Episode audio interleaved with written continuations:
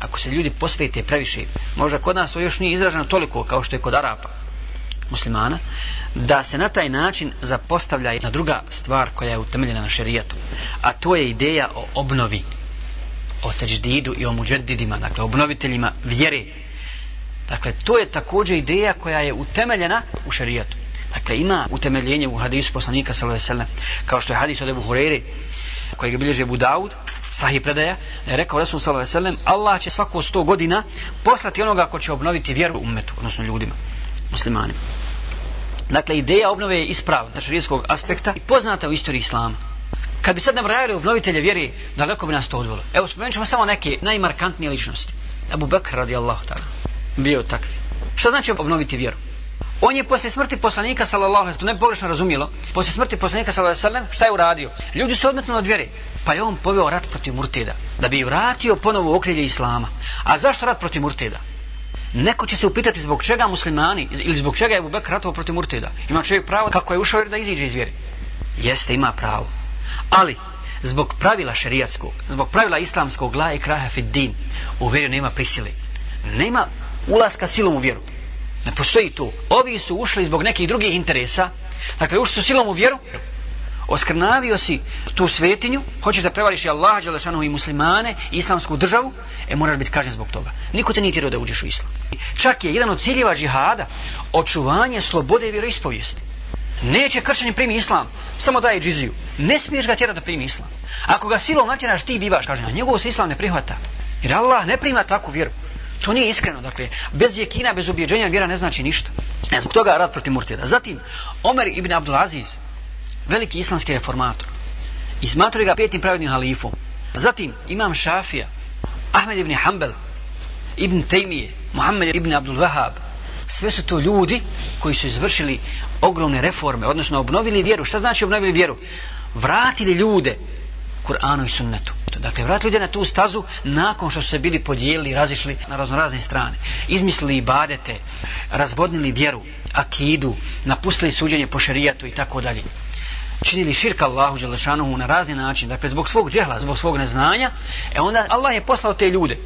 I sami nevjernici to priznali. Recimo za jednog Ibn Temiju kažu, toliko su oni njega mrzili i toliko ga danas mrze, znaju kakav je on doprinos dao za islam i koliki je reformator bio, kad Ibn Temi je posijao minskova polja, posijao mine sa svojom idejom, govoreći o Kur'anu i sunnetu i vraćanju Kur'anu i sunnetu, a kad jedna od tih mina je eksplodirala, a mi se bojimo da ne eksplodiraju i ostale, a ta mina koja je eksplodirala je Muhammed ibn Abdul Wahab. Dakle, ona je eksplodirala i ona je, ona je napravila ono što je napravila.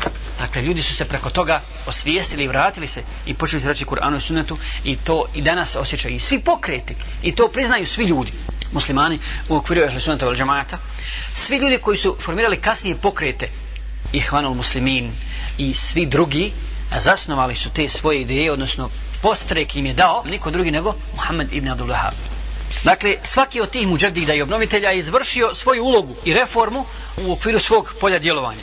I cilj ovih obnoviteljskih ideja jeste da, da se ljudi pokrenu i da se njihove težnje ka reformi pokrenu popravljanje stanja kod muslimana. Jer obnoviteljska ideja ne utiče i ne tiče se samo jednog čovjeka, kao što je ideja o Mehdiju. Doće Mehdi i on će sve riješiti.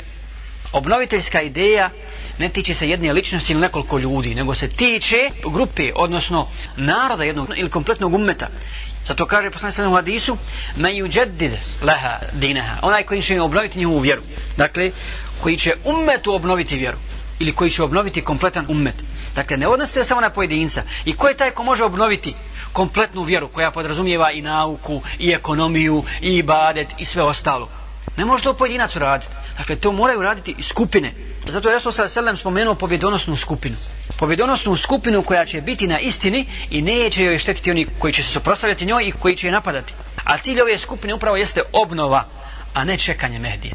Dakle, obnova vjere vraćanje Kur'anu i sunnetu i vallahi je ovo prirodan način djelovanja. Podijeli se zadaci. Jedni se usavršavaju u određenoj naučnoj oblasti.